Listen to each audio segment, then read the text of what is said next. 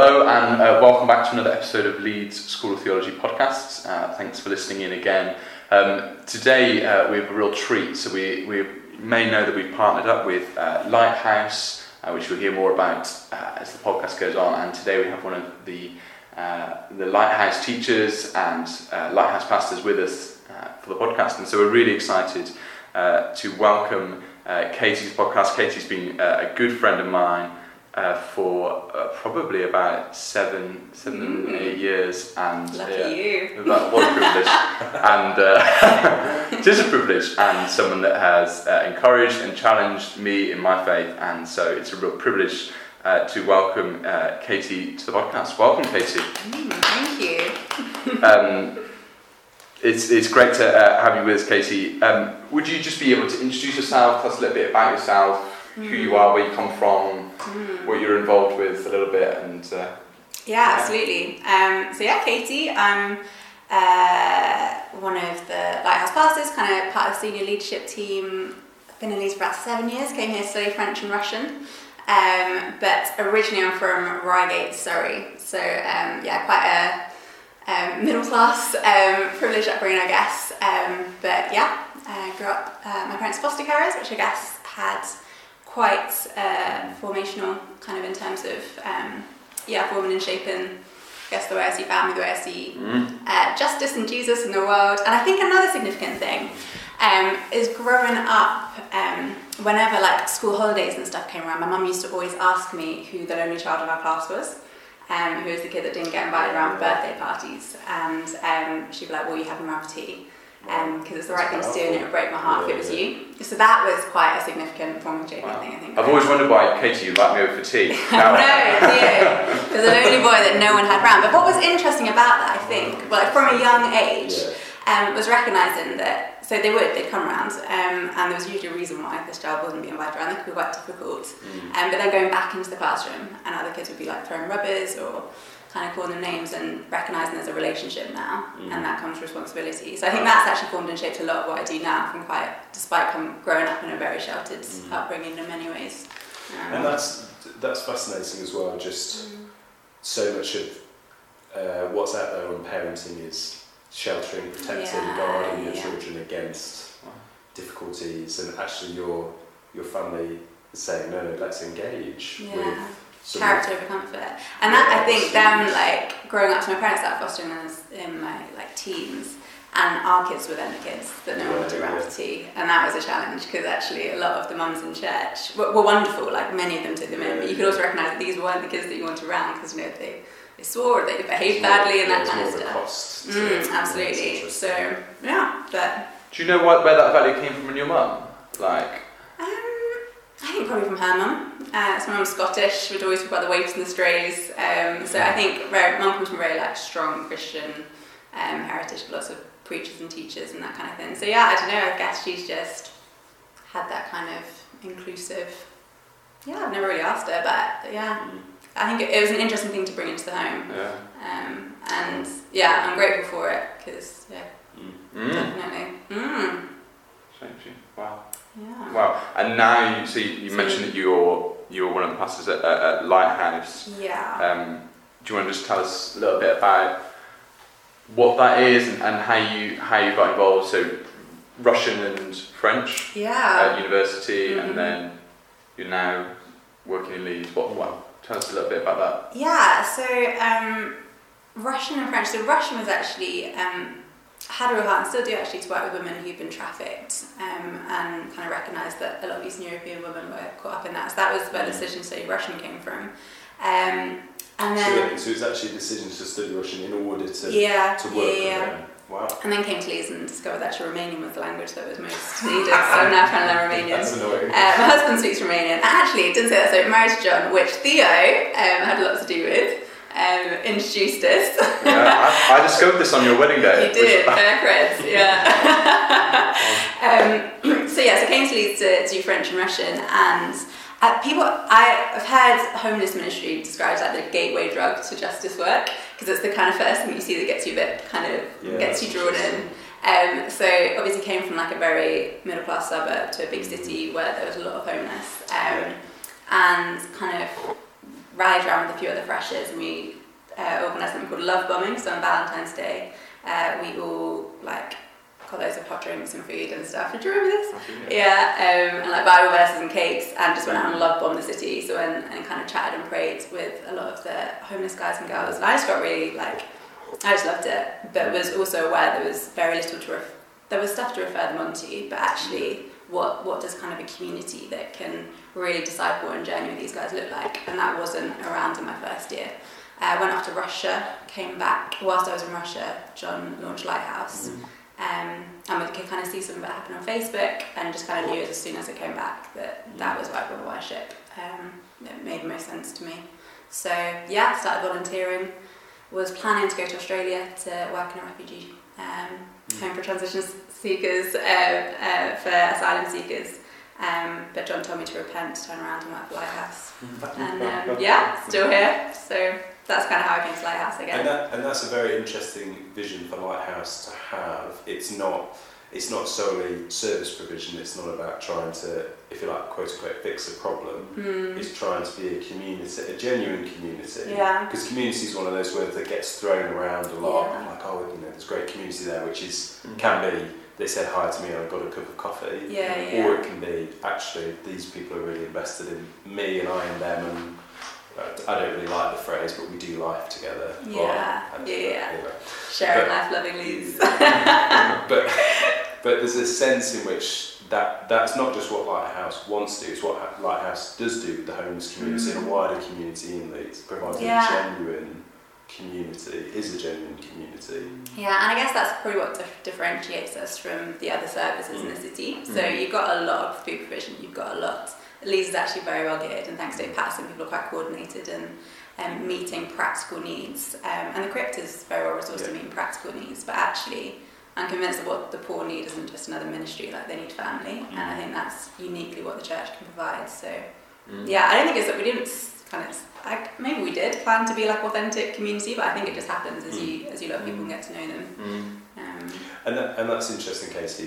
What you just said about what um, you think of the, if you like, the real needs. You're somebody who says frequently that you're not super theological, but that actually, in and of itself, is a very, it's a, it's a particular theological way of seeing mm. a person, understanding a person, going, what is that person's greatest need? Yeah. It's actually belonging, community, connection. relationships, yeah. connection.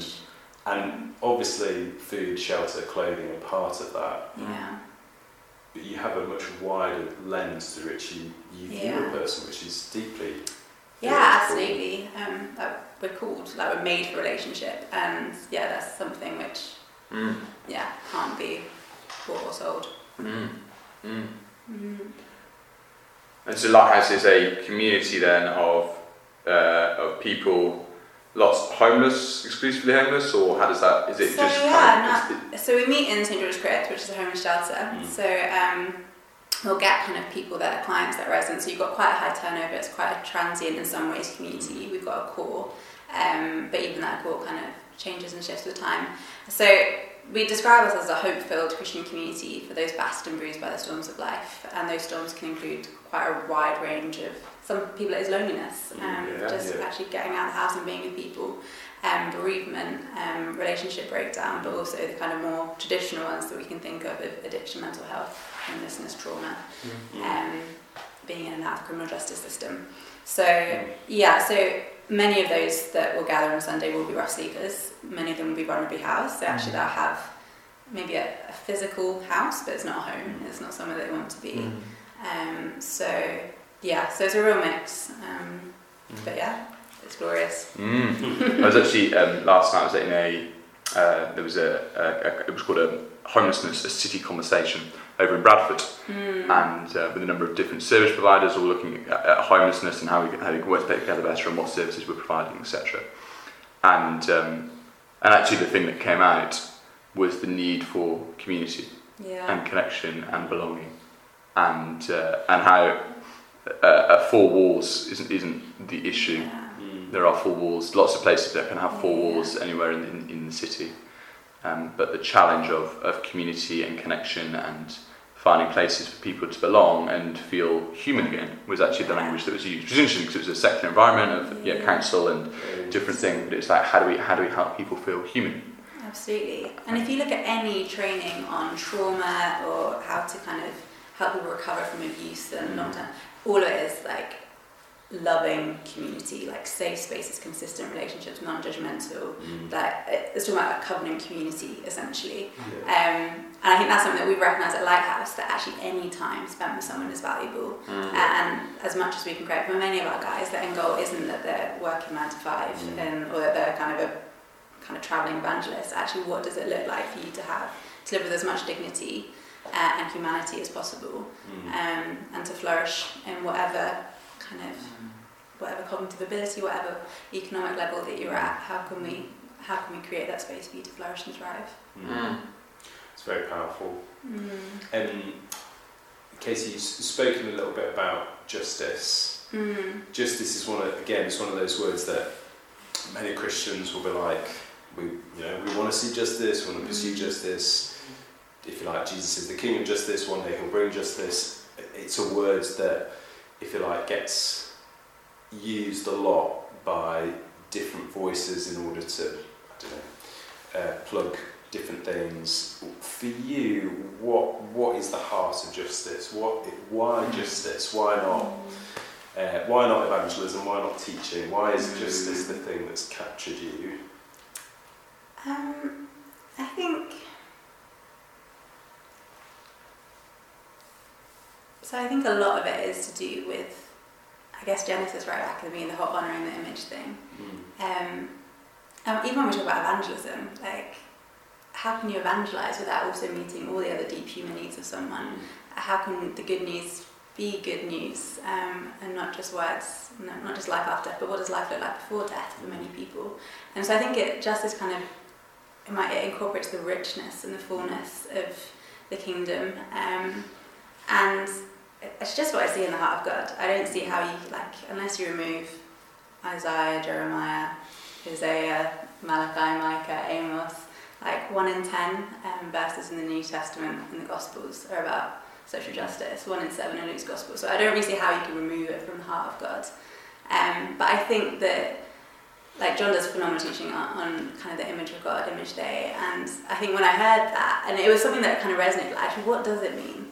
Um, if I genuinely do believe that you're made in the image of God and have inherent worth and value, and I think it comes back to what my mum said. You know, it would break my heart if it was Yeah, you. yeah. Thinking, actually, what? How come it's not me? Like, what?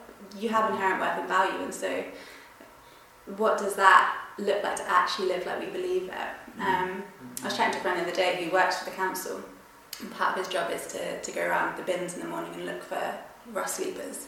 Mm. And so there's something about looking for image bearers in bins. And it's true, like actually when you take that theology into every context, like it's always like it's always going to stir stuff up. It's always going to require action. Um, so I think honouring the image is, is probably the, the key. Just I don't who who God is and who we are, Mm. and therefore what we're called to. Mm. Um, yeah, is. Mm. But then I also love so um, in terms of I guess encapsulating.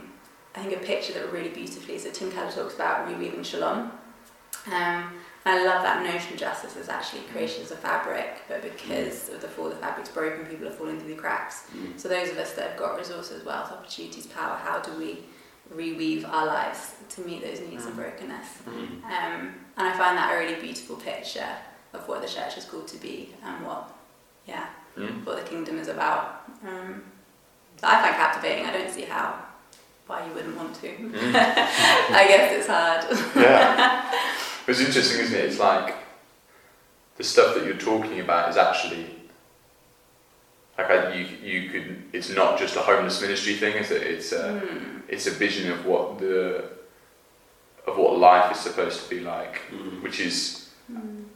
and what how the world was created to be, and how we as humans are supposed to truly flourish within this world. And almost it's like it seems like what you're saying is there's this kind of this bigger picture of what God is like and how He created us as humans. And here is a way in which we're kind of joining in with that rather than a rather than it being like a, a specific hope. Does that make sense? Yeah, yeah. like- I think restoration and redemption is key. If I, if God didn't reveal himself in scripture as God who restores and redeems, I don't know if that's looking at the world, if that could be a God I could follow. Mm. But because he does time and time introduce himself as the husband to the widow, as the father the fatherless, like that's how he introduces himself, that's what he's about, it's what he does, um, then yeah. compelled to follow, I suppose. Mm. mm. Good. Mm. Um,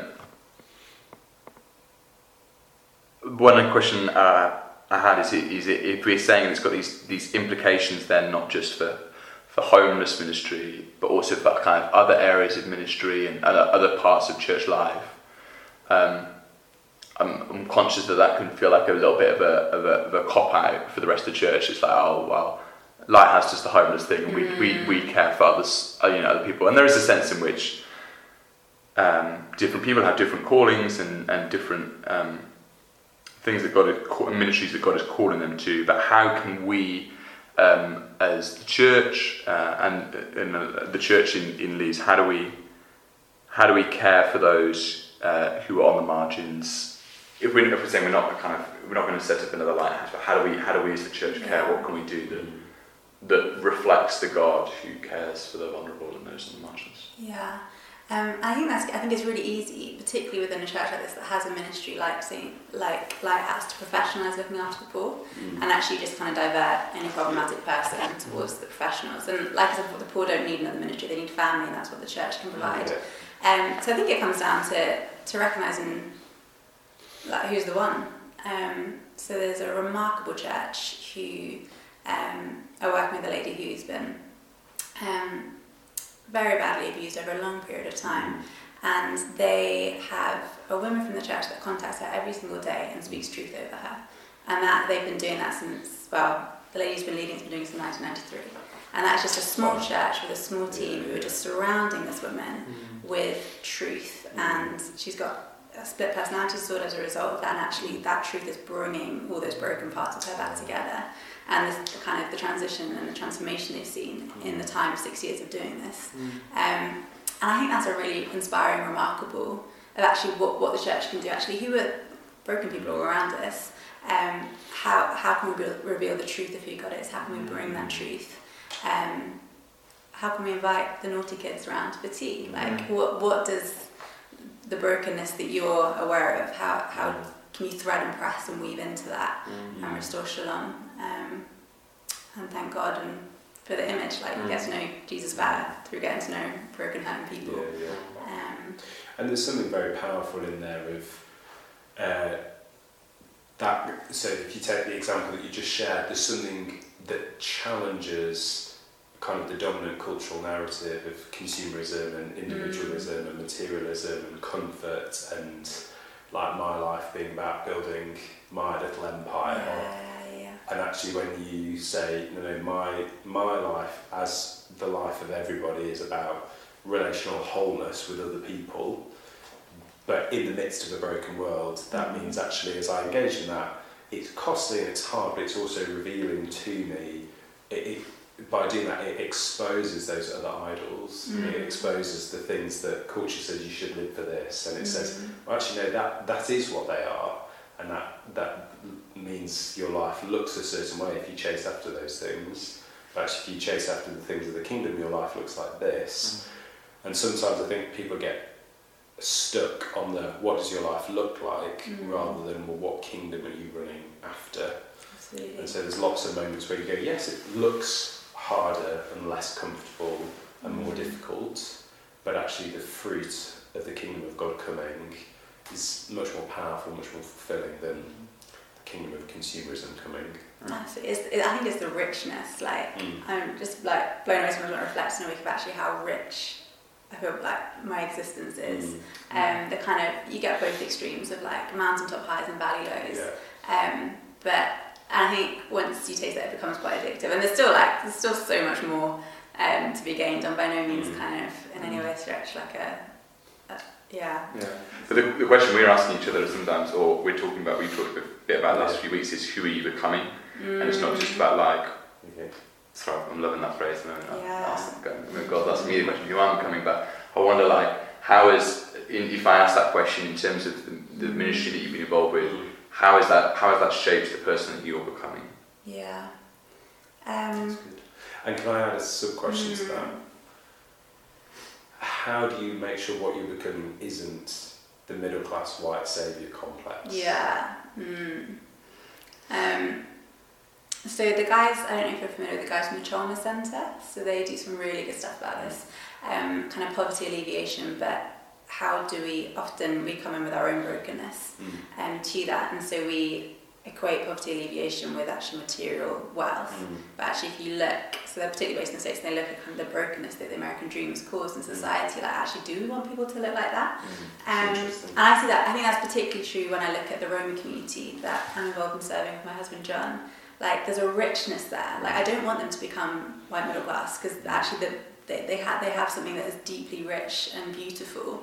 Mm. Um, but also there are things that aren't aren't just and aren't right and how do we come alongside them in that so I think the who are you becoming thing um, definitely like the white saviour or, or the, the saviour middle class mentality that is something that kind of has to daily die mm. um, and I can recognise myself so constantly like actually what is the motive what yeah, um, critiquing becoming much more self-critical and yeah. having people around me that will hold me accountable and recognising that accountability is an attack so if someone yeah, questions why I've done something that way, to be open to that and actually to be humble and to receive correction. Yeah. Um, there's definitely things I look back and I'm like, I wouldn't have done that the same way. What was kind of some mm. of the mm. narratives that were driving, um, driving that. But who are you becoming? Hmm. I think definitely a lot more aware of my own brokenness and weakness. Um, and I think that's something that is quite beautiful about Lighthouse is the readiness to allow to, to allow the guys to service and to receive. Mm-hmm. So um, the guy that welcomed you guys in, like he, he cooks dinner for us. He mm-hmm. he makes amazing coffee. Um, and just allowing yourself to stop and sit and, and to receive and to be prayed for by the guys mm-hmm. regularly. Actually, when I'm poorly, those they're the guys I'll go to. When I'm low, those are the guys yeah. I'll go to regularly. Um, and so trying intentionally, um, like we don't wear badges or anything at Lighthouse mm. because we don't want to create that power dynamic. Um, but it is, is there implicitly. Mm. Um, but how do you kind of challenge mm. that?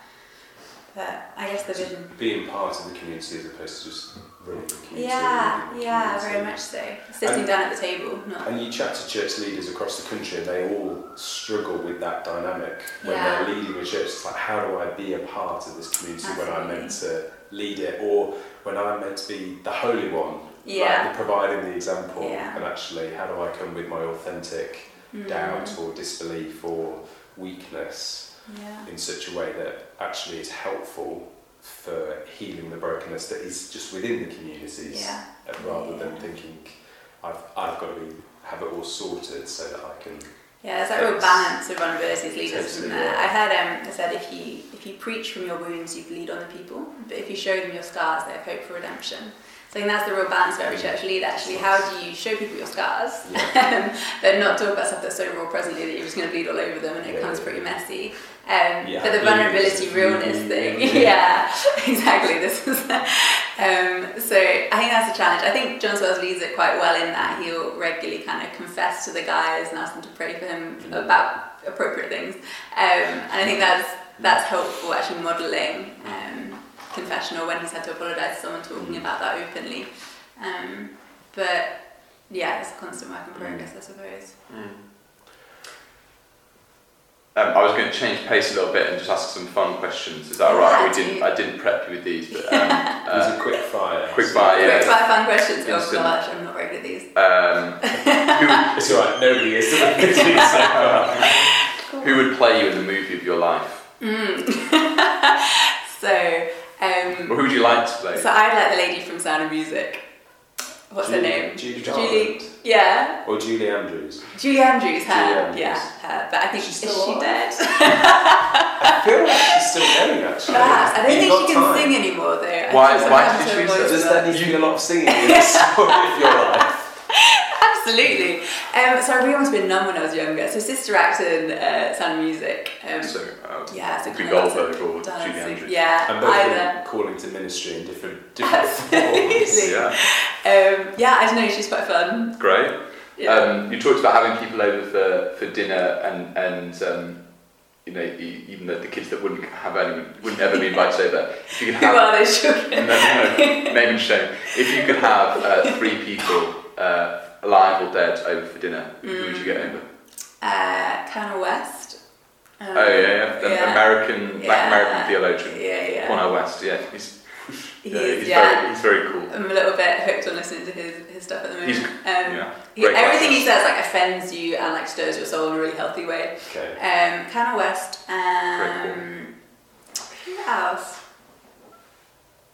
Oh gosh. Maybe Kanye West just to have the, the fun mix. Wow. And um, I should have a female, shouldn't I? Um, gosh, I don't know. Mother Teresa, if she wasn't dead. I know we could have live. oh, or dead. Oh, live or dead, Mother Teresa, absolutely, hands down. Wow, Yeah.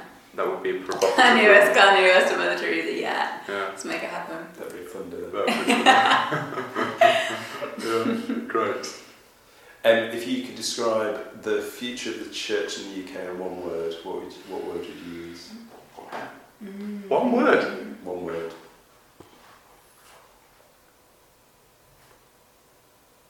Ooh. Two words at a push.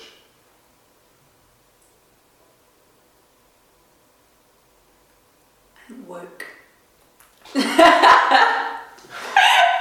we need to be woke. We need to be much more woke than we are.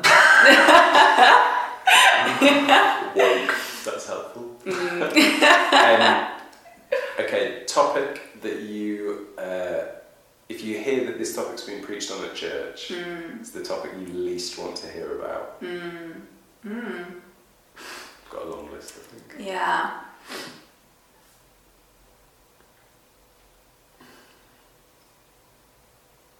You know what? I don't think I've ever sat through a sermon series and been like, oh.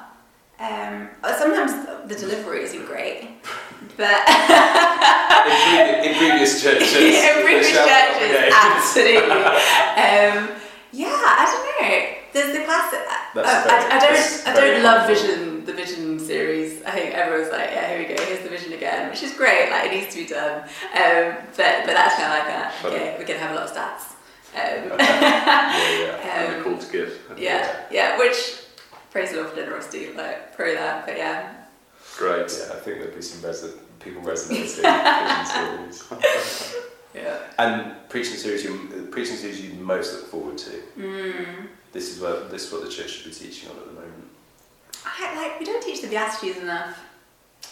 Good call. Yeah, Sermon on the Mount. We, we did the Sermon on the Mount recently here, like over Easter time. But Beatitudes, I think that should be like a yearly, Wow. like, keep the church woke. Church work. Really, we um, Hashtag. we started doing it at our church. We do um, a, a, a kind of call to worship, which is kind of done on video, where it's like one of the kind of members of the congregation's kind of this little interview, and one of the questions is asked is what Bible verses kind of make you feel like you're like you're ready to, to come and worship, Mm. and um, and um, you people say oh a psalm or something like this. One guy is like the Beatitudes. He's like, just remember this is the type of person I'm, I'm called to be. It makes me want to come, come and worship God. Man. I was like, wow, yeah, amen to that. mic drop. Yeah. Um, Katie, wonderful it was ever to chat to you, and um, we yeah are both encouraged and challenged by the work of Lighthouse in deeply uh, deeply moving ways, and uh, it's a wonderful community and a wonderful um, as the church we're so blessed to have it as part of our body. If you if people want to find out more about Lighthouse, what's the best way they can do that? Uh, so we're on Facebook, um, Lighthouse West Yorkshire. Lighthouse is very popular. We get congratulated for our work in Hull quite regularly, which we accept. Um, but yeah, so Lighthouse West Yorkshire on Facebook or on Twitter. Uh, I don't think we're on Twitter. You are on Twitter. I'm on Yeah. Twitter. I'm not very, I'm not very down with the kids, um, but we got a website as well. You should be more woke. I should be. yeah. Um, wonderful. Thank you so much for your time. Thank you. Thanks, Katie. Thanks, guys.